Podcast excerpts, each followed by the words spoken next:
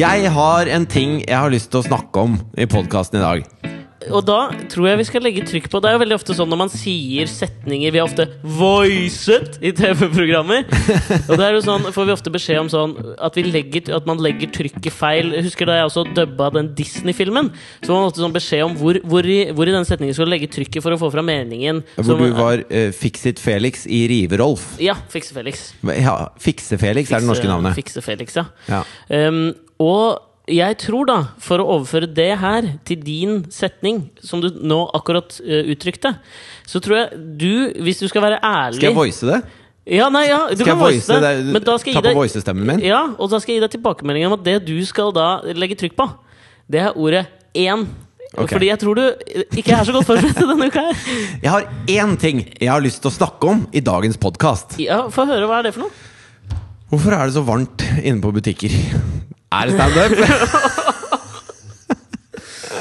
Får Nei, men skjønner du, umiddelbart altså- en Jonas Rønning-vibe. Nei, men jeg, har så, jeg, hater å, jeg hater å handle. Eh, og i juletider så Generelt? ja, Generelt så syns jeg ikke det er spesielt gøy å handle. Hva- Men er det, det må jo være noen ting du syns er gøy å handle?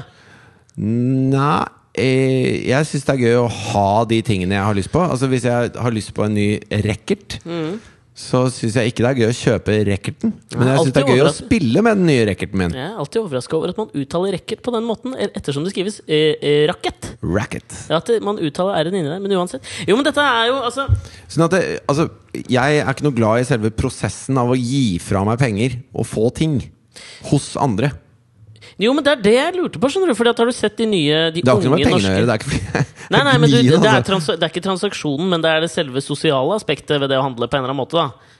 Ja, altså Det at folk er der og sånn, det har jeg ikke noe imot. Men å gå rundt og så se på 20 gensere, og så prøve Jo, å finne det den ene genseren, så må jeg prøve den, og så må jeg inn i et prøverom, står litt kø her, og så er det varmt, og så, og så følger T-skjorta med når du drar den over huet. Så, det er bare styr, da! Jeg skjønner det, men det er derfor jeg tenkte Har du hørt om disse nye norske gründerne nå? Det er noen gutter som skal utfordre matvaregigantene. Ja. Um, og Nei. De, nei, du har ikke det, eller? Nei. nei, De har da starta på en måte det som man alltid Som jeg føler er også litt sånn derre den, eh, Når man skal se inn i framtiden Så tidligere på 80-tallet og sånn, så var det at vi hadde flyvende skateboard og rullende fortau. Men også at maten, eh, dagligvarene, ble levert hjem på døra. Følte jeg alltid var en sånn fremtidsvisjon.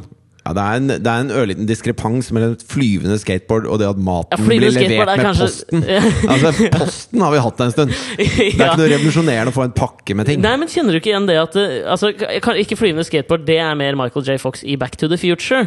Men rullende fortau og litt sånn, det var, det var liksom noen sånne tydelige tegn som man alltid brukte når man på 80-tallet 70-tallet skulle se fram. Sånn er det i 2013! Men altså, rullende fortau er jo ikke noen framtidsvisjon. På flyplasser så har de rullende fortau. Ja, men de går for sakte! Ja, fordi at det, det er det jeg skulle si Du har mobba meg litt fordi jeg er en voksen mann med sparkesykkel. Ja. Du syns jo det er veldig barnslig. Ja. Og på flyplasser så har de da øh, rullende fortau. Ja. Og så kommer de som bor på flyplassene. ja. Og de topper rullende fortau med hva? Sparkesykler. Sparkesykler! Ja, ser jo. Sparkesykkel topper Back to the Future. Sparkesykkel er the new black. Det er, jeg veit ikke! Jeg vet ikke! Jeg trodde Orange var den Jeg stryker, jeg gidder ikke å si det engang.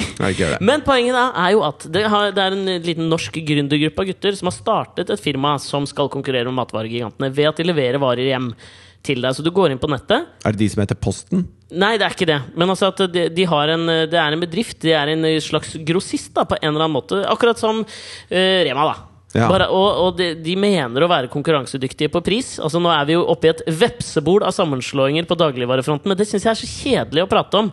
Coop og Rema og Norgesgruppen og alt det. Vet du hva, Det er ikke kjedelig. Og Jeg må bare si én ørliten ting om det før jeg kommer til den ene tingen jeg har lyst til å ta opp i Ja. dagens podkast. Uh, det er, det er det at det, det er vi som lider fordi Konkurransetilsynet ikke gjør jobben sin. Mm. Fordi vi nå sitter med, i hvert fall på distributørsiden, eller på innkjøpssiden, så sitter vi egentlig med tre aktører. Og det gjør at de kan avtale ting seg imellom, og at vi får et snevrere utvalg og dyrere priser. Og vi som forbrukere lider. Karl Marx, vi trenger deg! Hvor Han er død.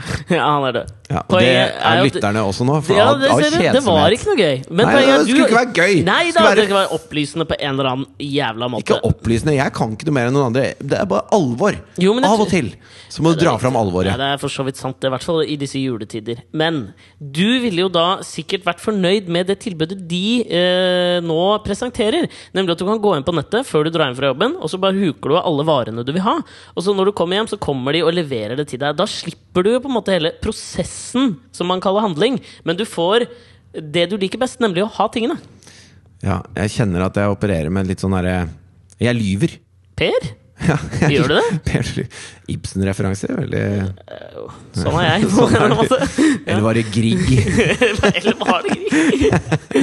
Nei, fordi jeg liker å kjøpe mat. Ja, du- Jeg ja, det elsker å handle mat. Kan jeg tipse deg om en annen ting, da? Uh, siden minto.no.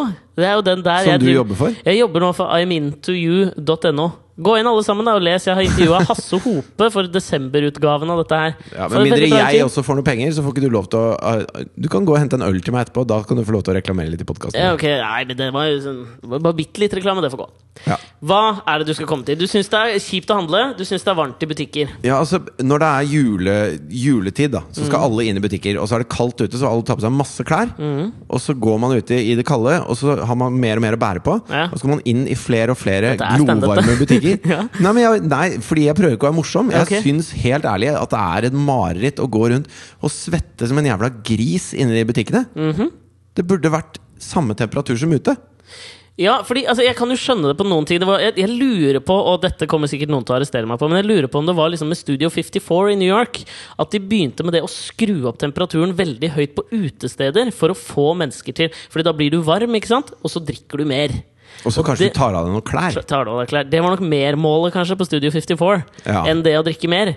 Men det er jo på en måte Det skjønner jeg. Den logikken skjønner jeg. Men når jeg er inne på Rafens for å handle vinkjøler, da kan jeg godt være avkjølt. For det gir meg ikke noe mer. Jeg vil ikke ha flere vinkjølere bare fordi jeg er varm på Rafens. Ja, Med mindre det blir gratis garderobe på Sten og Strøm, Ja. så syns jeg de bør gjøre noe med det. Det synes jeg er en kjempeidé. Da hadde jeg gått og handla på det shoppingsenteret. Hvis jeg, når jeg kom inn, så var det en doorman, og så var det en garderobe med veldig mange flere sånne garderobevakter enn det vanligvis Det, er. gir, det kiler den der lille elitistiske Åh, ballesteinen hell yeah! Det Ja. gjør det. Og så er det jo praktisk. Fordi, Det for akkurat praktisk. det du sier nå. Og også Men hvis man skal ta det et skritt videre, det du fortalte om Studio 54, Ja. så kan man dra på Nå husker jeg ikke hva det stedet het, men vi spilte uh, med span på uh, en klubb i Aberdeen. Okay. Som for øvrig er en jævlig kul by. Aberdeen. Aberdeen. Husker De- bare filmen, den norske filmen med Var det Stellan Skarsgård? Det er mulig. Som Harald Eh, alltid var så bitter på fordi at den kom samtidig som Detektor, og så vant Aberdeen alle prisene. Fortsett. Ok, i hvert fall Aberdeen er en av de fremste eksportørene av granitt. Eh, Ja. Så akkurat som alle husene på Røros er laget av tre, så er alle husene i Aberdeen laget i granitt. Og, så de er helt grå. Og det er sånn ordentlig sånn Gotham City. Det ser ut som altså Batman er fra Aberdeen. Oh, ja. Det hadde vært jeg, jævlig gøy med en slik twang på engelsken til Batman. Ja, det, jeg skal ikke forsøke meg på Nei, denne gang, nei, men du skjønner hva jeg mener. Ja. Men i hvert fall så spilte vi i et sånn jævlig rart eh, kråkeslott i granitt. Som hadde masse sånne små rom. Eh, Ja. Når du gikk rundt der, så var det masse små rom, og på de rommene var det liksom puter overalt. Sånn at når vi var ferdig med å spille, da, så var det full rockeklubb eh, mens vi spilte.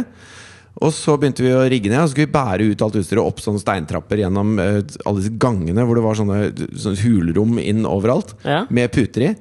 Og da hadde de begynt å spille eh, altså, sånn tekno, og det var knulling i alle rommene. Oi, spilte dere på en knullstuga, som det kalles i Sverige? det var en rockeklubb, helt til vi sa uh, 'thank you, good night'. Ja. Knullstuga. Nei! Bare med, i, nanosekunder seinere reiv folk av seg buksene og penetrerte. Mens vi måtte bære utstyr. Dere var på en måte Jean-Baptiste Grenouille. Er det ikke det han heter? Han i parfymen. Er det Å ja! Eh, Til eh, Ja. Louis Husquin. Du kan ikke komme og si Er det ikke det han heter? Jeg aner ikke hvem fyren er. Jo, men altså, han, eh, boken, parfymen av Henri Susquin Jeg tror jeg uttaler det riktig, jeg veit ikke. Jeg har alltid sagt Hen- Henry Suskin. Henry Suskin. Ja. Suskin, sier jeg da. Suskin, som skrev boken om han som hadde sånn fantastisk luktesans at han ville skape den eh, perfekte parfymen. Så begynte han å drepe mange kvinner for å eh, ekstrahere lukten deres. Sorry, det var min mobil. Og den lukta han endelig fikk laget den parfymen, så fikk den alle til å gå helt bananas og ligge med hverandre. Ja, for det var duften av eh, kvinner. Tolv kvinner, vel? Og en Tolv kvinner. Sånn krystet og knørvet kvinner til det rant Knørvet. saft. Et ord for lite brukt. saft ut av dem. Og så fylte han det på flakong. De gamle referansene var forrige uke. sin hals. ja, Så dere var på en måte musikkverdens svar på Jean-Baptiste Grenouille? Ja, Sin var- parfyme, kanskje? Vi var parfymen, rett og ja, slett. mens da Men Island stress Records du- var Når du bærer en sånn 30 kilos eh, Ampeg 810 basskabinett som veier hønmye, og så, og så må du liksom be noen passe seg mens de står og ligger med hverandre Står og ligger med hverandre. ja. Hvis, hvis, du, har, hvis du har stående samleie, Mhm. så står du og ligger med noen. ja, for du kan stå og ligge og ligge. Fordi det er vel den stillingen hvor damen krysser bena. Altså Du kan stå og ligge med noen med stå. Ja, mens hun ligger. Ja, det er jo helt utrolig. Hvis du ser for deg mannen står, og så krysser dama beina bak, mens hun holder armene slik at de, de lager en slags uh, rettvinklet Har du vært på internett igjen nå? Ja. Men ja, for faen! Du er misliker å handle, du må utbrodere dette litt. Jeg føler ikke at det er nok at det er varmt. Nei, altså det er jo ikke grunnen til at jeg misliker å handle. Men jeg bare syns øh, Jeg, jeg syns det er et materialistisk jag som jeg ikke har lyst til å være Nei, med på. jeg skjønner hva du mener. Denne jula. Fy faen. Fy Nei, det er ikke derfor. Du det har er blitt ikke handelsstandens høytid! jeg vil ikke være med på det Det master- masturbatoriske toget. Ja, Du mener ikke det, eller? Altså, du, eller du, har du tatt den innstillinga til jula? Jeg kan skjønne det. Det er jo veldig sånn uh, lefty å være imot type sånn Valentine's Day eh, og Nei, noen av de der. jeg, Fordi elsker, man mener jeg elsker å gi gaver. Og jeg syns det er jævlig kult å kjøpe liksom den riktige tingen Mm. til folk. Mm. Som, eller ikke den riktige tingen til folk, men ting som jeg har lyst til å gi til folk. da Det Mm. syns jeg er veldig gøy. Men jeg er ikke Og se sånn øynene deres lyse opp idet de driver av ja, innpakningspapiret. når, Ja. det, når det funkler. Ja. Uh, men, men det jeg syns ikke er så gøy, er uh, bare det derre du bør kjøpe ditt og datt og få sånne ønsker Vet du hva det verste er? Nei. Når folk skal gifte seg, og så sender de ut en sånn gaveliste fra Ja, hvor de har Glassmagasinet. registrert seg. Sånn at du går inn, og så, og så har du den lista, og så spør du sånn Ja, du, jeg skal i det bryllupet, altså nummer 638. Ja. Ja, det som er ledig på ønskelista deres, er denne saus, dette sausenebbet og disse gryteklutene. ja? Da tar jeg sausenebbet, jeg. Ja. Det er, det er jo ikke gaver. Det har mistet hele essensen av gaver. Ja, jeg, jeg er enig. Jeg skjønner jo på en måte praktikken i det. At man ikke får 14 sausenebb, da. Fordi For min del også, det spørs jo litt hvem du går i bryllup til. Men si at du kjenner dem sånn halvgodt. Da kjøper du ikke det flotte serviset. Da tar du liksom sausenebbet, fordi det er Jo, alltid billigst. du, hvis det er sånn at du tenker sånn nå, 14, tenker nå skal jeg gifte meg, og nå skal jeg ha gaver, og jeg skal selv bestemme hva de gavene er, for jeg stoler ikke på noen andre mennesker enn meg selv Ja. til å skjønne hva jeg trenger. Det er akkurat som, det er akkurat som altså, Du må jo la deg La deg underholde av folk. Du må la deg overraske. Du må la deg overraske. Du må si sånn Jøss, er det det du føler at jeg skal ha? Det elsker du. Kanskje jeg også skal prøve det. Mm. Altså, man, det. Det er litt sånn essensen i gaver. Gaver er ikke en måte å spare 250 kroner på, for noen andre går og kjøper deg den tingen du trenger. Det er vakkert uttalt, syns jeg, på en eller annen måte. Ja, takk skal du ha. Det motsatte av det er jo når barn Altså, jeg skal jeg, Thea er jo ikke mye ute og handler. Hun er tross alt seks år. Thea er ikke mye smart. hun er jo bare Nei, men hun, hun er jo seks år, så hun kan jo ikke gå og kjøpe julegaver sjøl. Så, så jeg hadde eh, hjulpet litt til da med å finne ut hva hun skulle gi til Katrine. Ja. Og så hadde jeg kommet på en del ting som jeg syntes var jævlig kult. Og så uh, henter jeg henne på AKS, da på skolen. Du- Aktivitetsskolen, Ja, som det nå må du sette, ja. Ja. Det heter ikke lenger SFO, eller Nei. skolefritidsordningen. Som Hvorfor det ikke før. Det er sikkert noen som uh, var misfornøyd med det navnet, da. ja. Det er ikke Eh, fritid når man er på skolen, si. Nei, det er sikkert det er noen lærer, altså, Det er jo utdannelse for å jobbe bak. Så det at de kalte Ja. det skolefritidsordningen, det underminerte sikkert deres eh, Pedagogisk utdannelse. Ja, så derfor har sikkert kommunene da brukt noen millioner på å bytte om alt til å være AKS, sånn at disse lærerne skal føle seg litt bedre Mm. når de jobber. Ja, men Det er jo for så vidt greit. Lærerstanden er viktig. Fair enough. Ja. Uansett, da, så kommer jeg ned til Thea og skal hente henne, og så sier jeg å, vet du hva? Nå har jeg tenkt litt, og det, vi kan gi, det du kan gi til Katrine mm. Sier du ikke mamma? eh, Jo, til henne sier jeg mamma, men jeg kaller Katrine for Katrine, da. Ja, ikke sant? Når begynner man med det? Aldri er svaret på det. Men, og så forteller jeg henne da hva jeg tenkte kanskje var en god idé, Ja. og så begynner hun å gråte. Hæ? Og så tenker jeg sånn Å, så nydelig. Hun blir rørt, liksom. Ja, hun, hun flott, får gitt en så fin gave. Men nei da. Hun er misfornøyd. Fordi Hun vil ha gave. Og så sier jeg men det er jul, du får også gaver. Ja, men nå får mamma så fin gave! Hæ? Og jeg vil også ha! Kødder du? Jævla Jævla ego-drittjente, ego. liksom. Ikke mye smart hun der, altså. Men eh, så prata jeg med noen andre foreldre, og det er visst sånn de holder på nå. Seks år gamle drittunger. De er vel inne i en sånn fase hvor de driver og finner ut av hva egoisme er kontra liksom, For hun er jo ekstremt glad i å gi. Altså Hun syns det er veldig gøy. Så Men hun er hun jævlig glad i å få. Ja, men hvis vi stikker fingeren i jorda, så er det jo grisedigg å få. Det er dødsdigg, ass. Ja, ja. Men du, dette er litt eh, fascinerende at du tok opp dette. For jeg had, det er, dette her er en ting jeg hadde litt lyst til å prate om i denne ukas podkast. At det er varmt i butikker? Nei, ikke, ikke egentlig, men det du liksom dro det videre til. Fordi, eh, som jeg fortalte om forrige uke, så, skulle, så hadde jo jeg nå på fredag tatt på meg den eh, store og strabasiøse oppgaven å lage julebordmiddag til eh, Maris 19 nærmeste venninner. Populær, hun dama Ja, ganske populær. Ja. Um, det var da jentejulebord, og de, det var hjemme hos oss. Og så hadde jeg bestemt meg for å lage tapas. Og la meg bare si om jeg får lov å write my own review. Terningkast seks. Det er mye lettere å bare lage grøt, for eksempel, til Hadde- eh, 20 stykker. Ja, Én stor gryte, røre av og til, ferdig. Ja. Tapas er jo et helvete. Det var et helvete å lage. Jeg sto på kjøkkenet i tolv timer, men alt dette er på en måte Det er kjedelig. Det var råbra, liksom. Alle digga det. Jeg trenger ikke si noe mer om det. Men det jeg har tenkt på i etterkant, det er Gjorde jeg dette her fordi jeg ville så gjerne at andre skulle kose seg? Eller gjorde jeg det for sjøl å, og, og hente skryt og berøm, berømmelse? Skjønner du, Jeg har prøvd å utforske altruismen i mine egne motiver her. Og jeg har tenkt ganske mye på det denne uka her. Selvfølgelig gjør du det for å få skryt. Men det er ikke negativt. Altså, egoisme er jo en helt tipp topp drivkraft. Ja, så lenge den har altruistiske ut... Altså at lenge den får en altruistisk eh, resultat. Ja, altså, eh, altså eh, man, man jobber jo med å altså, I hjernen altså, så får man belønninger. Eh, når man eh, spiser sukker, eller eh, det går for deg, eller Det er masse ting man får belønninger for, da. Og en av de tingene som gjør en glad, er jo å se andre bli glade. Ja. Sånn at hvorvidt man gjør det Altså Hvorvidt man kan skille ut det helt og holdent, at det er bare fordi den andre blir glad. La oss si at du gjør et eller annet som gjør den andre glad, og deg selv eh, kjempelei deg. Sånn dypt inni det gjør deg bare vondt. Jeg klarer ikke å komme på et eksempel hvor det er tilfellet. Nei, jeg vet jeg, jeg er jo litt, jeg er litt enig i dette her. Fordi nå har jeg prøvd å liksom lese meg opp litt denne uka. da Etter at jeg prøvde på en sånn selvransakende prosess å finne ut dette her. Er det gærent av meg at jeg gjør det, eller trenger det å være en motsetning mellom altruismen inni meg, liksom? Og den der egoismen som egentlig bare vil hente skryt. Og jeg tror, eh, Sånn jeg har kommet fram til, og det jeg har lest, altså så var det han August Comte som grunnla positivismen. Det var han som brukte liksom første gang etter at disse grekerne gjorde det. Og han var jo en klin gæren voldsvoldtektsmann. Klin kokos. Okay. Og jeg mener Er det han som sang i Lost Prophets? Ja, det er akkurat han. han er det. Hans barnebarn. Barnebarn, barnebarn, barnebarn. Ja, ikke snakk om barn og Lost Prophets i samme Nei, jeg skal ikke, skal ikke gjøre det. 35 år i fengsel fikk da vokalisten, var det ikke det, i Lost Prophets fordi han hadde barneporno. Det var to, to eh, mødre i 20-årene som hadde gitt han sine spedbarn til å ha sex med. Hadde du det? Ja, Å, Det er jo helt brutalt jævlig. ja, det er jævlig. Uh, uansett Au, au, au. Ja, Poenget da var at jeg tar meg den frihet til å si at jeg mener kanskje at Comte, August Comte har, han har hoppet over en viktig ting, nemlig akkurat det der. At når man, liksom, når man motiverer handlinger, så trenger de ikke å få mindre verdi bare fordi de har en, en, eh, en egoistisk start eller en Nei, inngang. jeg, jeg mener at man skal dyrke den ego egoismen. Altså, hvis det får meg Hvis det får deg til å føle deg bra Ja. at du får skryt av de damene fordi du har laget god seg. mat til dem Ja.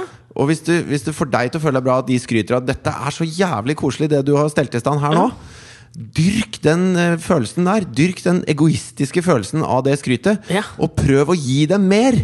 ja. Jo, men da bare Ja, jeg kan mer! Jeg kan sjonglere!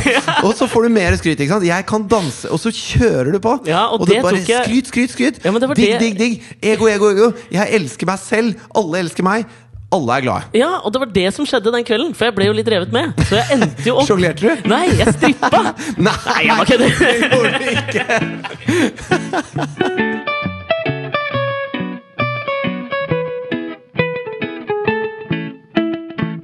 Og med det ønsker vi velkommen til denne ukas utgave av Alex og Fritjofs podkast. Jeg har vært på to sånne knullestuer. Hva? Den ene var i Aberdeen, som mm. jeg jo fortalte om. Den andre var på naboens pub oppå Birkelunden. På hjørnet er det oppe en knullstue? Jeg visste ikke det. Der sitter jo bare drita fulle folk.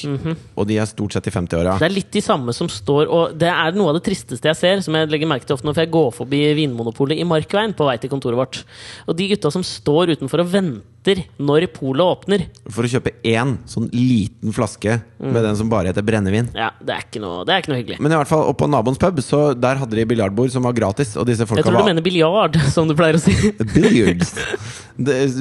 Biljard Nå klarer jeg ikke å si det. Biljard. Biljard. Biljard. Biljard. Nå skal du voice det, og du skal trykke på ad i biljard. Der hadde vi biljardbord. biljardbord, det er det jeg sier. Ja, ja. Eh, og det var gratis. Så hvis det var eh, Tok du med det hjem, da? oh, Herregud. Så hvis det var umulig å finne biljard noe annet sted i byen, så, så kunne man dra på naboens pub, og der var det alltid ledig, for de var altfor fulle til å spille, de som uh, var der. Ja. Men der eh, Litt i motsetning til den der reklamen Helsedirektoratet har om dagen, med han som går gjennom og føler at han er så edru og skyter biljard så, biljard så bra, og så viser det seg senere at nei, det gjorde han jo ikke. Nei. Eh, takk for at du bringer eh, også reklamefilmer inn i Ja. podkasten. Etter å ha reklamert for Minto, som du jobber for. I mean to you.no. Ja, ok. Eh, der var det noen som satt og hadde sex, da. På biljardbordet! Nei, altså, de satt i en krok, to eh, midten av 50-åra, sånn ordentlig slitne trær av noen folk. Ja. Og liksom, hun hadde sklidd ned det skinnskjørtet litt, og han Men sklidd ned skjørtet? Er ikke, er ikke det nesten bare i veien da? Eller ja, Kanskje det var til? opp, da. Jeg, Ja. jeg kikka ekstremt lite. Jeg gikk veldig, veldig fort. Jeg skal da komme med en bitte liten innrømmelse. Det var en deg. Gang, nei, det var- meg. En gang så drev jeg og holdt på litt med en dame. Så var Amors piler streifet dere mildt. Eh, men det var ikke så mildt akkurat den kvelden, for da var vi liksom ute på byen. Eh, og så fikk vi liksom ånden over oss, og så var vi på den T-lounge oppe på Løkka her. Og så fikk dere lyst til å stå og ligge med hverandre? Nei, det var, ikke, det var ikke så ille, da. Men så ble det liksom sånn at vi ble sittende og kline, og så var liksom bordet vårt midt i lokalet, og så var det ikke fullt. Uh, men det satt liksom folk på bordene rundt omkring. Sånn at det, det ble såpass mye klining og tafsing at liksom bartenderen kommer bort og prikker meg på ryggen i det skjer og sier sånn Det der må dere ta Altså, han sa ut- Men var det noen hender room. som var inni noen klær og Det var helt sånn? sikkert noen hender som var inni noen klær. Men det var ikke mine, for å si det sånn. Oh. det var mine. Det var bare mine. Okay. Ja. Men det du snakka om i sted, med disse folka som står utafor Vinmonopolet Ja. En ting som er litt sånn, uh, litt sånn nydelig, egentlig, uh, er at det, jeg, har, jeg har vært oppe veldig tidlig noen dager. Og når jeg kommer ut av døra klokka sånn halv sju-sju, så er det ganske dødt i Oslo og i Markveien. Men det er et sånt gitter som er utafor Lilleasia og Kiwi og, Ja. og Blir det mer lokalt nå, så jo, jo, men det, altså, det er gitter da som er nede om natta, så mm. går det opp eh, sikkert seks om morgenen eller noe sånt. Ja. Så da er det mulig å gå inn på de bordene som tilhører Lilleasia i Markveien. En asiatisk restaurant. En asiatisk restaurant som på en måte er utendørs, men det er, det er tak og, og to vegger. Mm, egentlig Det Tre en vegger, egentlig. vinterhage. Det er en vinterhage. Det er presist beskrevet. Mm. Og da, hver morgen jeg har kommet ut, så de folka som er litt sånn junkies Mm. og sitter i, på Ryes plass i parken og drikker hele dagen, Mm. da veit de at fram til disse butikkene åpner, klokka ni eller ti, så er det et fristed hvor det er varmt. Ja, det er Hvor de Oslos kan-. Hvor de kan røyke og sitte inne og ta seg en øl. Og, og da, da våkner liksom den siden av Da tar de det. For å ikke være til bry for oss andre, Mm. så går de inn der i de par timene før, før Oslo våkner. da Ja. Så sitter de der som om, som om de er en del av samfunnet ved et bord ikke sant? med et askebeger og med en øl i hånda. Og da, da blir ikke de uglesett, for da er det deres tid av døgnet. ja. Det er Det er det vanlige folk gjør på de andre tidene av ja, det er da de får lov til å være vanlige folk. Ja, og det det syns jeg er ganske pent, altså. I, I forlengelsen av det der, da, litt den derre um, altså, Jeg merker nå det er jævla rart, men etter at jeg fikk vite at jeg skulle bli fatters, og kanskje mer Det kan nå du faktisk ikke si uten at jeg gjør narr av deg. Eh, Hvorfor ikke det? Etter at jeg fikk vite at jeg skulle bli fatters! Ja, Er ikke det korser eller gangbar mynt? Jo da. Etter at jeg skulle vite at jeg og Mari skulle få barn, så merker jeg at jeg eh, lar meg lettere røre av ting. Og jeg er, er en type som altså, alltid Jeg griner av filmer, jeg griner av et eh, varmt ord. Og det har jeg aldri vært liksom flau for, det er jeg helt åpen eh, med. Men nå merker jeg at liksom, terskelen er jævlig mye lavere for at det der skal skje. Og når jeg på en måte konsumerer ting eller opplever ting, så blir jeg fortere rørt da enn tidligere. Og jeg, det kan ikke ha noen annen forklaring enn det der. Og jeg hadde liksom en sånn helt sinnssykt sterk opplevelse denne uka her, da jeg så en film som heter Bully. Har du sett den? En amerikansk dokumentar. Nei, men den har jeg hørt om. Det er jo mobbing. Ja det, er, ja, det er egentlig satt eh, sånn som det. Det er en eh, film som følger eh, en del forskjellige mobbeofre. Og en del familier hvor barna er blitt mobba, og så har de som resultat av all den mobbinga tatt sitt eget liv. Eller gjort noe forferdelig. Ja. Og det, det traff meg så jævlig! Og det var jo sånn helt spesifikt, for da tenker man jo sånn Å, herregud, tenk om dette skjer mitt barn. Og så tenker man jo Jeg tenkte i hvert fall også liksom sånn Er det én ting jeg skal gjøre i oppdragelsen, så er det liksom det å sette liksom sånn en stopper for mobbetendenser liksom, med en gang, da. Ja, ja, ja. Nip it in the butt, som de sier i Amerika. In the bud. Bud. Ja. Hva er altså, bud? Oh, ja, i, st I stilken. Altså, du må ta av den før den vokser og blir en eh, blomst. Hadde jo vært jævlig mye mer effektivt å nip it in the butt, for da er det jo en slags fysisk At du liksom tar Og så klyper hun i ræva, hvis du kjenner det til. Inn i liksom anusåpninga, så tar du tak, og så napper du til!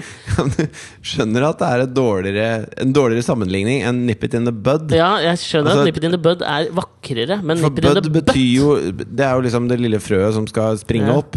Eller bli en blomst. Hva er det? Eh, Sporen? Nei, hva, hva er det Nei, det heter? det, er det skal jo bli en blomst. Ja, Så da, da klyper du av den før den får lov til å vokse ut av sine proporsjoner. Mm.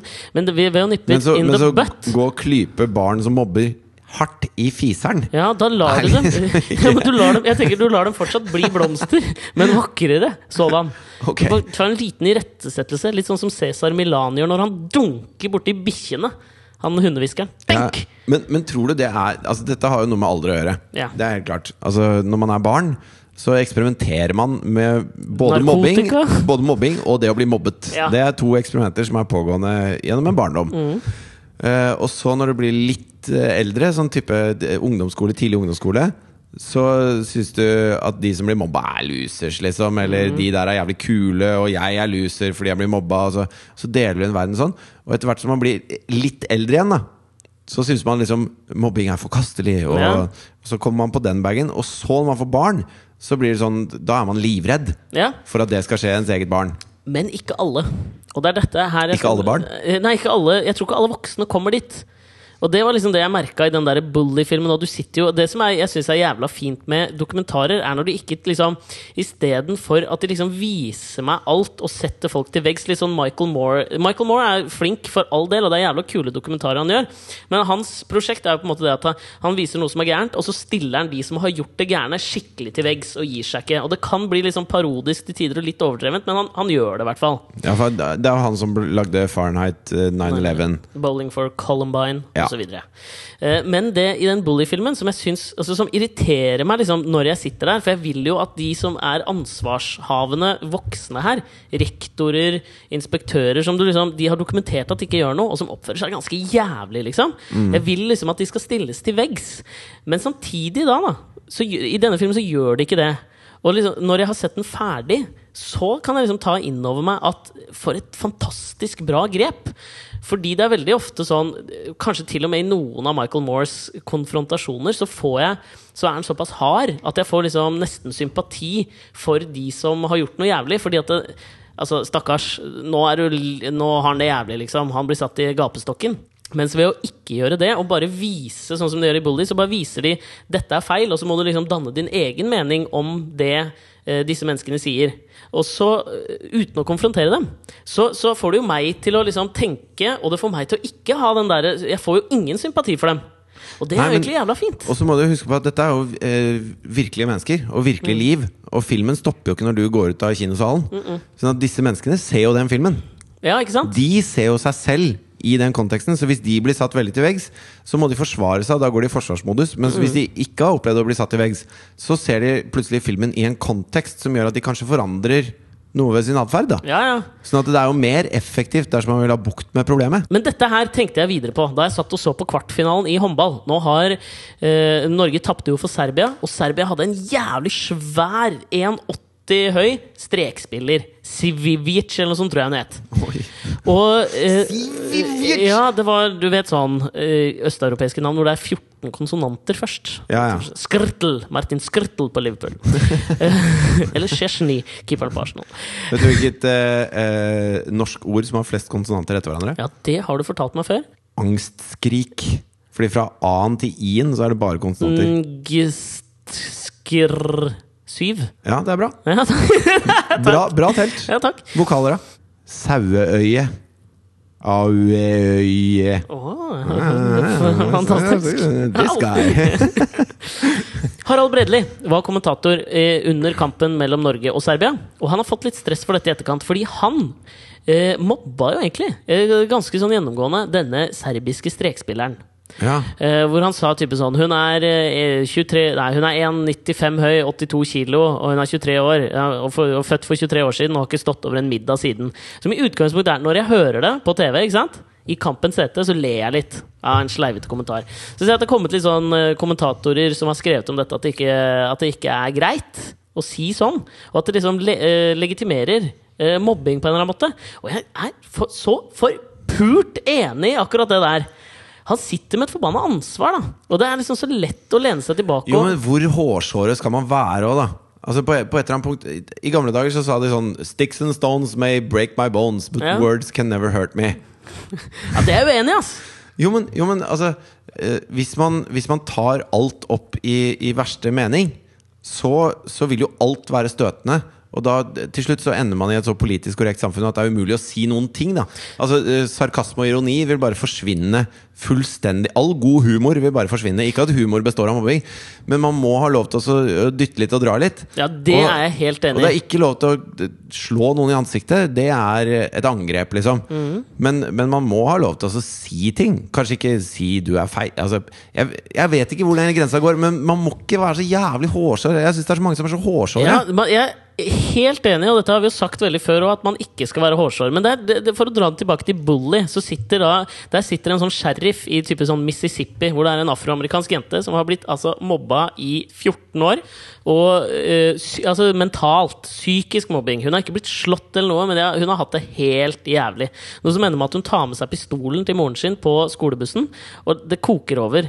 Ikke sant? Du, de har filma på skolebussen, og de roper til henne og skriker til henne. Så tar hun opp pistolen og sier sånn Nå holder du ser at det klikker.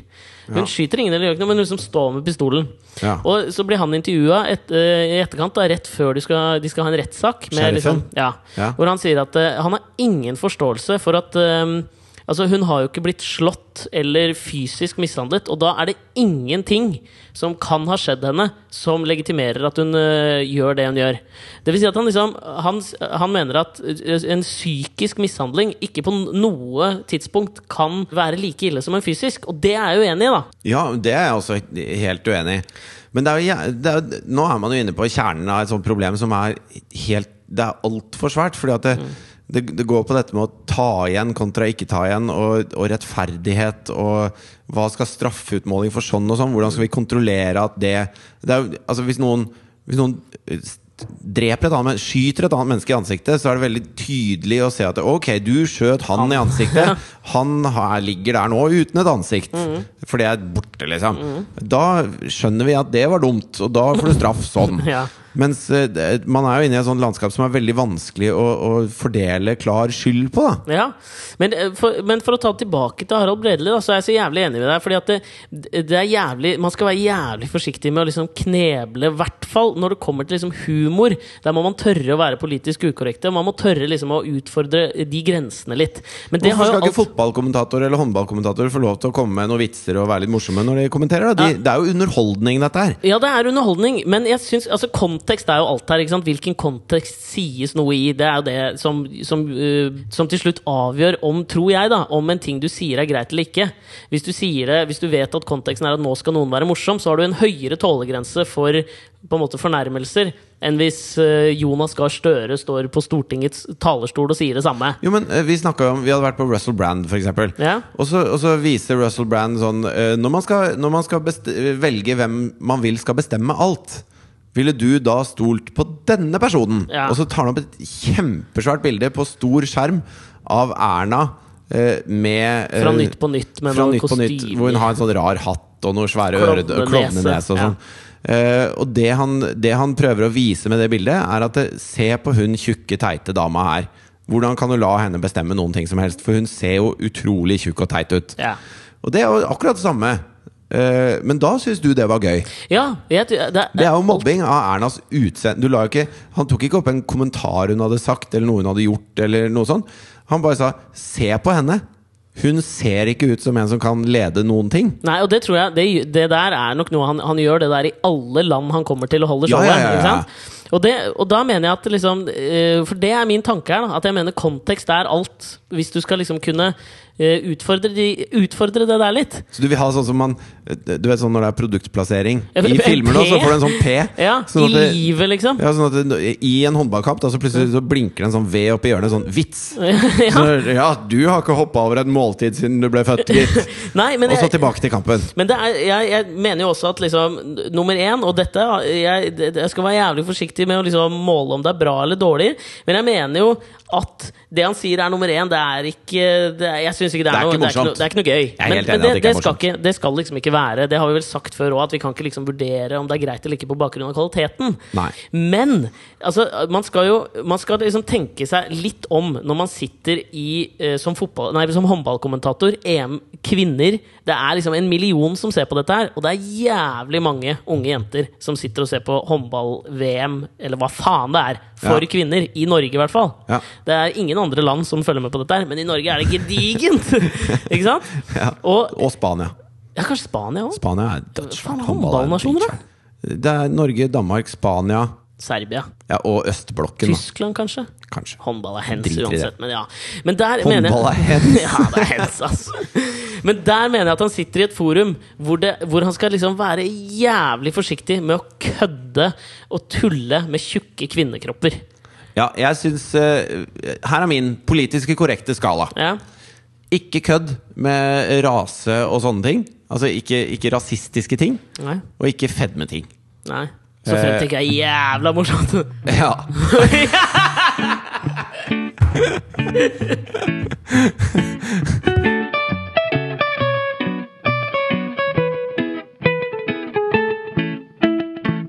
Men når vi er inne på journalister, så ble jeg så for jævla forbanna denne uka! Jeg, noen ganger når jeg sitter og leser aviser, så blir jeg så Jeg, blir, jeg mister troa. Det Jeg koker. Mister, det koker! Og det kokte faen meg over her i forgårs eller i går eller når faen det var. Har du fått med deg at uh, norske aviser skriver nå at Justin Bieber legger opp som artist? ja. Ja, Du har sett det, eller? Jeg har ikke trykka på saken, jeg har bare sett overskriftene. Ja, jeg så overskriften, og så bestemte jeg for Det er jævlig ofte sånn der, og det merka jeg jo da jeg sjøl var journalist òg, og det er jævlig lett at når du sitter og gjennomfører et intervju med noen, kanskje en time, to timer, et langt intervju, tar du en setning ut av kontekst som er en fin tittel, som ikke sier noe særlig om denne personen. Etter hva jeg kunne skjønne av overskriften, så var jo Justin Bieber, som er eh, en av verdens største popsensasjoner, kan man vel si. Performance. Performance! Ja. Ja. Han, eh, eh, når han bestemte seg for å gi opp sin karriere, Mm. så var de han fortalte det til, var verdens gang. Ja, ja, ikke sant? Sitat. Ja. Ja. Men greia var, da bestemte jeg meg for at nå skal jeg, nå skal jeg finne ut Fordi de henviste da til et intervju han gjorde på en amerikansk radiokanal. Oh ja, da er jeg misforstått. Ja, men sant? Nummer én. Hvis Justin Bieber legger opp som artist, så kommer han ikke til å fortelle det på en radiokanal i USA. Ikke sant? Nei, Det er litt det samme som hun Der er en Men har han lagt opp? Jeg kommer til, jeg kommer til det. Ok. Jeg synes en, en artig sammenligning er liksom sånn En annen amerikansk rappedame som heter Acelia Banks, lekket visstnok hele albumet sitt på Twitter nå som et fuck you til Universal, som er plateselskapet hennes. Jeg, hvor det liksom blir skrevet om på den må- måten hvor jeg mener Her må man tenke to tanker. Man må tenke tanken helt ut. Dette er, det er et PR-stunt. Det er så gjennomsiktig. Og det var det samme med Justin Bieber. Da gikk jeg inn så fant jeg intervjuet på YouTube hvor han sitter i denne amerikanske radiokanalen, som er en sånn tulleradiokanal. Og det er helt åpenbart at det han sier Han får spørsmål om hvordan er den nye plata di, liksom. Så sier han på tull Nei, nei, jeg skal legge opp som artist. Det er åpenbart en spøk! Det er helt åpenbart! Ja. Han tuller. Og så, og så kommer den dritten her ut! Og det høres ut som jeg liksom er opptatt av Justin Bieber, og sånt, men det er ikke Justin Bieber jeg bryr meg om. Du Det er har blitt det. litt sånn rød i kinnet og sånn. Du har blitt litt så gira. Ja, dette her, det der er noe som irriterer meg så jævlig. Når man liksom Det er Man kompromisser på sannhetsgehalt for å få lesere, liksom.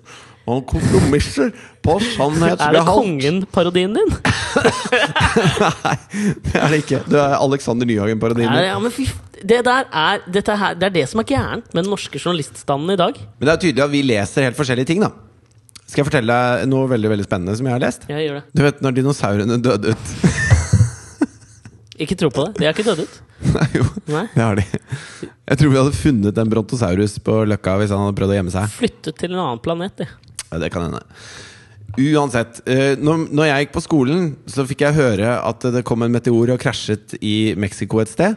Som gjorde at uh, solen ble formørket i flere år, og det ble en eh, Jævlig kaldt. finnbullvinter, som det Det heter. er finnbullvinter, ja. Lenge siden. Uh, som, gjorde at, som gjorde at planter slutta å dø, og det ble ikke nok mat til disse De enorme slutta å dø, de plantene. Ja, de- Bare levde videre. Så det ble så innmari tett jungel. Tyrannosaurus rex klarte faen ikke å bryte seg, den var så små hender. Ok. De fortsatte å dø etter at de begynte å dø. Ja. Og så døde de. Ja, etterpå, ja. Og så uh, var det ikke nok mat til disse store dyrene, og så døde de. Og så var var ferdig med de, da. Og så kom vi isteden. Men nå, uh, det er mange forskere som mener at dette er ikke så plausibelt. Og her er eh, siste skrik på teorien om hvorfor dinosaurene døde ut. Dette syns jeg er fuckings fascinerende. Ja. Denne kometen da, som treffer i Mexico treffer, Meteoritt eller komet, hva er forskjell? Vet da faen. Eh, Dings. Stor steinblokk eh, som treffer i Mexico. En gang mellom juni og juli, har de funnet ut. Dette er lite plausibelt for alle filmer jeg har sett, så treffer disse meteorene et eller annet sted i USA. Ja, En eller annen stor by, som f.eks. Los LA eller Angeles York. eller New York.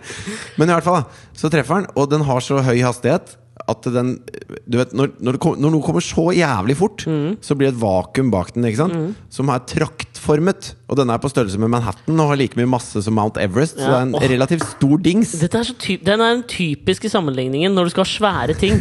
Like stort som 40 fotballbaner, og hvis det er større enn det, like stort som Manhattan. Jeg vet faktisk Så hvor mange fotballbaner også det er. Hvor mange fotballbaner? er? Eh, 90 fotballbaner. 90. Det er alltid sånn når regnskogen kappes ned òg. den Det like kappes ned 40 regnskog, fotballbaner ja, regnskog i døgnet. Den har like mye masse som 2500 olympiske svømmebasseng. Selvfølgelig har det det. Vi må finne oss noen nye parametere å måle ting på. Ja, det kan du pønske på når Ja, kommer og hjem i det, dag. det, er- dette er akkurat det samme Det- med journalistene. De må finne seg noen nye måter å, å, å lokke lesere på. Mount drive- Everest er jo bra, da. Like Ja, mye Everest masse som. Mount Everest. Ja. Uh, ok, så kommer den da i en heidundrende fart Ja. og, og dytter vekk lufta foran seg, så det blir vakuum bak, som er traktformet. Ja. Ikke sant? Eh, og det, det er da et hull som går gjennom hele atmosfæren. Mm. Altså Det, det, er ikke- det fins ikke luft ut til eh, verdensrommet bak den kometen. Men da går den jo ekstremt fort. Den går ekstremt fort. Det er korrekt. begynner å brenne. Må jo begynne å brenne. Ja. Eh, foran på den kometen så er det en temperatur som er Jeg tror det var 200 ganger solens Ikke sant? Jeg temperatur. hadde akkurat tenkt å si det! Og hva måler vi det i? Typisk solen. Men Ja, det men Du kan jo ikke ta en milliard ganger en, eh, en mikrobølgeovn. Altså Du må jo ha noe som er det, varmt allerede. På Jo, en måte. Solen er det varmeste vi har. Ja, ok, akkurat solen kan jeg komme på. Ja Og, og den, det er så varmt foran der at når den treffer Mexico, da lille Mexico, så Da er det så lite, da? Det ble mindre, i hvert Ja, fall. Så eh, treffer den jo da stein og sånn. Og, og det Stein og sånn! Ja, det er jo det jorden består av, da! Ja. Stein og eh, sikkert noe metamfetamin, da, siden det er Mexico. Ja. Mes ja, mer kokain, føler jeg. Methico. Methico. Crystal Mexico. ja. Eh, og, det, og dette blir da øyeblikkelig gjort om til gass. Stein til gass. Så okay. Varmt er det. Oi. For alt har jo tre aggregattilstander, som vi lærte i naturfagen. Ja. Og denne gassen Litt som positivisme til August Comte har jo tre stadier. Nok om det. Ok, så, så denne meteoren da trenger da 20 miles, eller da, hva blir det? 30, noen og 30 Kilometer, ja. inn i jordskorpa. Og, og det er også traktformet, det krateret. Ja. Og all den steinen som var der, er blitt til gass. Og suges opp i det vakuumet som er bak denne kometen. Ja. Og bare ut i verdensrommet. Ja. Hvor det kjøles ned, denne Ja. gassen. Og blir til glass. ja. Eh, Så det blir til glass som eh, kjøles ned, bremser opp, fanges inn av jordens eh, tiltrekningskraft og akselererer tilbake mot jorden. Ja. Så hvis du da var en liten brontosaur i Australia, så når den kometen traff, så kjente du litt sånn ja, det er den. Og så tenker du sånn Ja, spise videre, da. Og så eh, ca. 20 minutter senere så begynner himmelen å bli rødere og rødere. ja. Da kommer da millioner av tonn med glass eh, rundt hele jorda Ja. i en heidundrende fart inn mot jorda. Og alle disse små glassplintene treffer da atmosfæren og brenner opp i atmosfæren.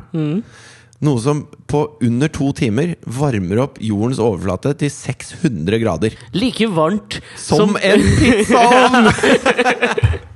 Men, ja, Jo, men. Er ikke det helt sjukt? Jo, men det høres jo ut Dette her føler jeg at det ikke er plass Dette høres ut som en sånn Michael Bay-film. Nei, dette er jo det som dette, Det er dette som er sannheten! Så Kategorisk match! Ja, altså Alt som var mer enn 30 meter under havoverflaten, eller mer enn 20 cm under eh, jord, Ja. eller sand, som viser seg å være veldig isolerende, Ja. Det det overlever dette her. Overlever dette her. Okay. Mens alt som er for stort og for klumpete til å komme seg dit, Ja. bare brenner opp. Blodet koker, og huden flerrer av, og så brenner de opp.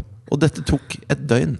Så fra du står opp, det er lørdag morgen, oh, spiser litt planter og Før du vet ordet av det, så ser det ut som Robert Gustafsson. Nei, det er Men det er mobbing! ikke noe- Det er ikke lov! Men det er ikke noe Brontosaurus å holde foredrag for lenger. Hele inntektsgrunnlaget mitt er borte! Og så tenkte jeg så jævlig måte å dø på. For det er ikke sånn ja. Det er ikke bare sånn Så er du død. Det er sånn Hei, gutta. Begynner det å bli varmt her, eller? Ja. Å, fy faen, hva er det som skjer da? Å, helvete! Å, faen, det blir Kanskje det er litt de fantomsmertene du føler når du er inne og handler i butikker? At du har en slags sånn fantomfølelse i kroppen din av tilbake, langt Nå tilbake i tid. øynene dine Øynene dine går fram og tilbake, og de er sto, sånn, sånne klinkekuleøyne som en gal vitenskapsmann mens du peker rundt i rommet. Ja, men Det er fordi jeg føler kanskje at du er eh, Messias på en eller annen måte. At du har med deg hele verdens historie inn. Sånn at, at, at dette er bare det første lille Den lille spiren, den lille budden, eller button som jeg kaller den, som du kjenner nå når du handler. Er dette en følelsen av hele verdens eh, skjebne på dine skuldre? da? Som du, som du, at Altså, du jeg føler en brontosaurus på mine skuldre når jeg er inne på Sten og Strøm og skal prøve å finne julegaver. ja.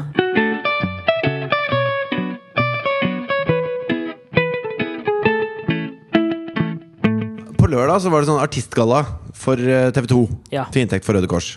Eller var det Redd Barna? Neida. Neida, de... Ser du, Messias? Du var jo redda litt barn. altså, jeg var med på det da i et sånt eh, et telefonpanel hvor vi skal sitte og ta imot telefoner til folk som har lyst til å bli faddere. Og Da er man ikke fadder for et spesifikt barn, men man gir penger til eh, fadderordningen til Røde Kors, som er mynta på barn og unge som har det vanskelig, da. Leste du opp det akkurat nå, det arket du fikk utdelt? Eller vi fikk? Nei, men jeg, jeg måtte jo kunne dette her når Ja. telefonen ringer, på en måte. Jeg skulle jo egentlig vært der sammen med deg. Ja. Endte opp på Ullevål sykehus istedenfor, for de trodde fødselen var i gang. Det er alltid en klein situasjon. Det var ikke noe gøy. Den var ikke i gang. Nei. Uansett så, så sitter jeg der og skal ta imot disse telefonene. Og jeg syns det er en jævlig bra ting å bli fadder for Røde Kors. Det kan jeg gjerne reklamere litt for. Gjør det, hvis dere ikke er det allerede. Mm. Og og det, to faner i Safari. En rodekors.no, en imintoyo.no. ja, gjør deres juleshopping på imintujo og bli fadder i Røde Kors. Du snakker om Justin Bieber og shopping. Nei, jeg, her er poenget. Jeg snakka ikke om Justin Bieber. Jo, det jeg gjorde du. Jo, det gjorde du. Jævlig journaliststanden i Norge! sier VG-journalist Alexander Nyhagen. Manifestert av en Justin Bieber-sak. Det er viktig å påpeke. Ok, greit. Og da, når sendingen starter, Mm. Ja. så starter jo telefonene å kime. Ja. Og vi er, eh, vi er en gjeng på kanskje Rar rap du hadde der. Ja, det var, jeg prøvde å skjule den. Vi er kanskje 25 stykker Mm. som sitter her, og så sitter det 170 til på et sånt sentralbord som også skal hjelpe til å ta av denne telefonstormen de håper kommer. da Ja. Og den kommer. Og, og Litt skal som meteorittene. Ja. Eller glassplintrene. ja og lagde et, lagde et vakuum bak seg som sugde penger ut av Norge. Ja. Og til Filippinene. Uansett. Så eh, sitter jeg og tar imot Jeg tar kanskje si 150 telefoner da Åh, ja. i løpet av de to og en halv timene jeg sitter her. Det går i et helvetes tempo. Og jeg skal notere ned navn og nummer og adresse, og så si god jul og takk og hyggelig og sånn. Eh, og det er en jævlig koselig jobb. Folk er veldig blide når de ringer, og de syns det, de det er meningsfylt å ringe og bli fadder. Men det som er så Det som er så sjukt, er at det, kanskje av de, si de 150 samtalene, 132 av dem var uh, minstepensjonister. Ja, du, men hvordan veit du at de var minstepensjonister? Ja, For du hører at de Ja, du hører Noen sier det, andre hører du det på. Okay. For de bor, de bor sånne steder hvor jeg har ikke noen gateadresse, Ja, okay. men eh, hvis du Jeg bor på den øya som heter 5638. Ja, så hvis du sender dit, så Ja, kommer det til meg! Og så har de sånne stemmer som syvende far i huset, hele gjengen. Så det er veldig vanskelig å notere navnet på. Det burde jobbe litt med diksjonen på minstepensjonisteriet. Uansett så eh, slår det meg at, eh, at disse, disse folka, de har det ikke så greit. Det, kroppen begynner å skrante. Det er lite penger til å gå rundt. Og de er de som gir når de ser sånne ting på TV. Mm. Det er ikke deg. Jo, jeg er fadder. Ja, okay, Men jeg skjønner, nå- som, et, som et symbol Nå mente jeg deg eller meg Mm. som et symbol på, på en måte de som uh, kanskje har det greit, da. Mm. Og, og har råd til det. Ja. De tenker at åh, nå er det mas om det igjen. Og så, og så skrur man på noe annet. Eller kanskje man ser på det, og så syns man litt synd på de barna. Og så kanskje man eh, gir en hundrings, da, eller et eller annet sånt. Men, men det der engasjementet som kommer hos de eldre når sånne ting vises på TV, det er helt sjukt. Og jeg har aldri visst eh, Jeg følte det så innmari på kroppen når alle telefonene du fikk, var fra gamle, gamle mennesker. Mm. Som Nei, nei, jeg har ikke mobiltelefon, jeg, men du kan bruke det nummeret. Ikke sant? Så Ja. du skjønner at dette er ikke Jon Fredriksen. Nei, det er Nei. ikke Jon Fredriksen. Det er antitesen av Jon Og Fredriksen. sorry, det er ikke sant? Han, nå skal jeg trekke meg, det er ikke Jon Fredriksen. Da sier jeg heller Det er ikke Kan du ikke si Jon Fredriksen? Har ikke han flagga ut, da? Jo, men jeg tenker han, hvis jeg skal liksom være kritisk til at vi alltid bruker de samme måleenhetene Det er 40, fot 40 fotballbaner. Så må jeg finne en annen måleenhet. Ja, men jeg syns på gjerrigknarkfaktoren så, Ja, så er Jon Fredriksen, Jon Fredriksen. Norges rikeste mann. Og han har valgt å flytte ut av Norge, for han syns han betaler for mye skatt. Så han er blitt, Kypros han er på nå. ja, han er blitt cypriot, Ja. fordi der er det lite skatter å betale. Så øh, fuck you, Jon Fredriksen. ja, Du er et rass. Han hadde avlyst nå, apropos gjerrig, avlyst det årlige julebordet han pleier å ha på Theatercaféen, så jeg. Ja, han er Sikkert fordi, han ikke, sikkert fordi det kosta for mye. Men jeg syns det var et tankekors å sitte der, fordi at eh, jeg føler at jeg gir en del, men jeg kan jo gi mye mer. Ja. Jeg kan være mer, mye mer med. Og når jeg satt der og For det blir jo litt sånn hallelujastemning. Du føler deg som litt sånn nyfrelst på et sånt vekkelsesmøte når du sitter der og, og du ser hva som skjer på skjermene. Og eh, han presidenten for Røde Kors Norge var jo der. Og etterpå så fortalte han at de hadde som målsetting å få 5000 faddere, og at de hadde bikka 13 000 faddere i løpet av sendinga. Oi. Som jo er eh, ikke bare engangsinnbetalinger, men folk som gir 250 kroner hver eneste måneden. Mm. Måneden. Sier du altså, måneden? og det er jo en enorm uh, sum for dem, som Ja. de kan gjøre utrolig mye godt med. Så han ble jo sånn rørt og begynte Altså Du så haka hans skalv når Ja. han skulle takke også. Sånn. Jeg følte ikke at jeg hadde Jeg hadde bare tatt telefonen Ja, og skrevet ned navn på de som gir. Jeg følte ikke at jeg hadde gjort noe sånn kjempestort. Men jeg følte etterpå at jeg burde gi mer. Og at eh, fy faen, så heldige vi er som har de Altså Det er ikke rart folk sier at bestemødre er snille, altså, for de er Mm. faen meg snille. Jeg tror, og litt sånn som jeg opplever da med når jeg skal liksom servere middag, og så er det egentlig en egoistisk motivert greie.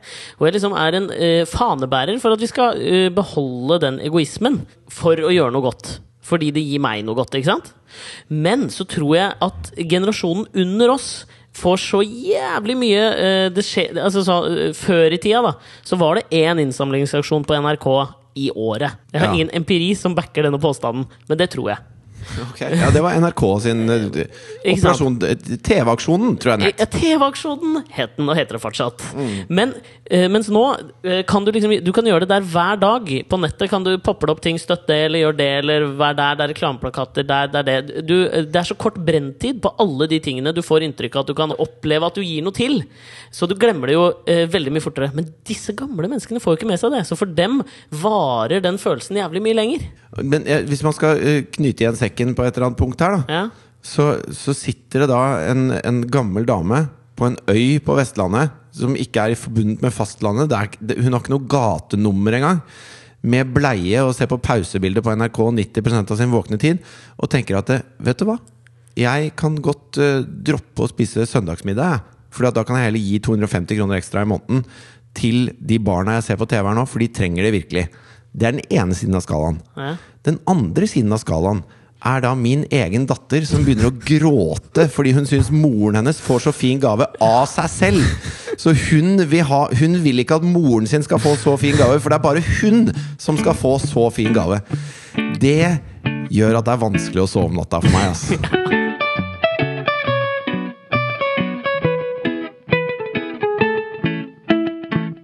Thea er godheten selv. Jeg elsker henne. Hun Ja, er verdens ja, ja. kuleste.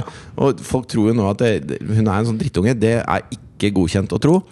Hun hadde, hun hadde et, et, en sånn, et sånn bitte lite sammenbrudd akkurat der, men det har vi Det har vi da for det har faen vi meg alle. kløpet i bøtten. Eh, I bøtten. I bøtten. Jeg håper at du tok et skikkelig grepatak i det hennes seks år gamle rumpe og klømte litt til. Nei, det gjorde jeg ikke. Ja, det skal Men jeg gjorde det mentalt. Ja, du gjorde det, eller? Ja. Takk for at dere har hørt på Alex og Fridtjofs podkast nok en uke. Dette er fantastisk for oss at dere sitter og øh, putter øretelefoner inn, eller spiller det på Sonos-anlegget deres, som dere faen meg bør donere. Selg Sonos-anlegget og gi noe spenn. Det holder med en øh, flott liten DAB-radio. Gi bort Sonos-anlegget og kjøp et nytt på intervju.no. Dobbeltmoralsk Jeg er en dobbeltmoralens vokter, jeg. Ja, fy faen, det er varmt her! Det er helt sjukt varmt her nå! Åh, Ha det! ha det!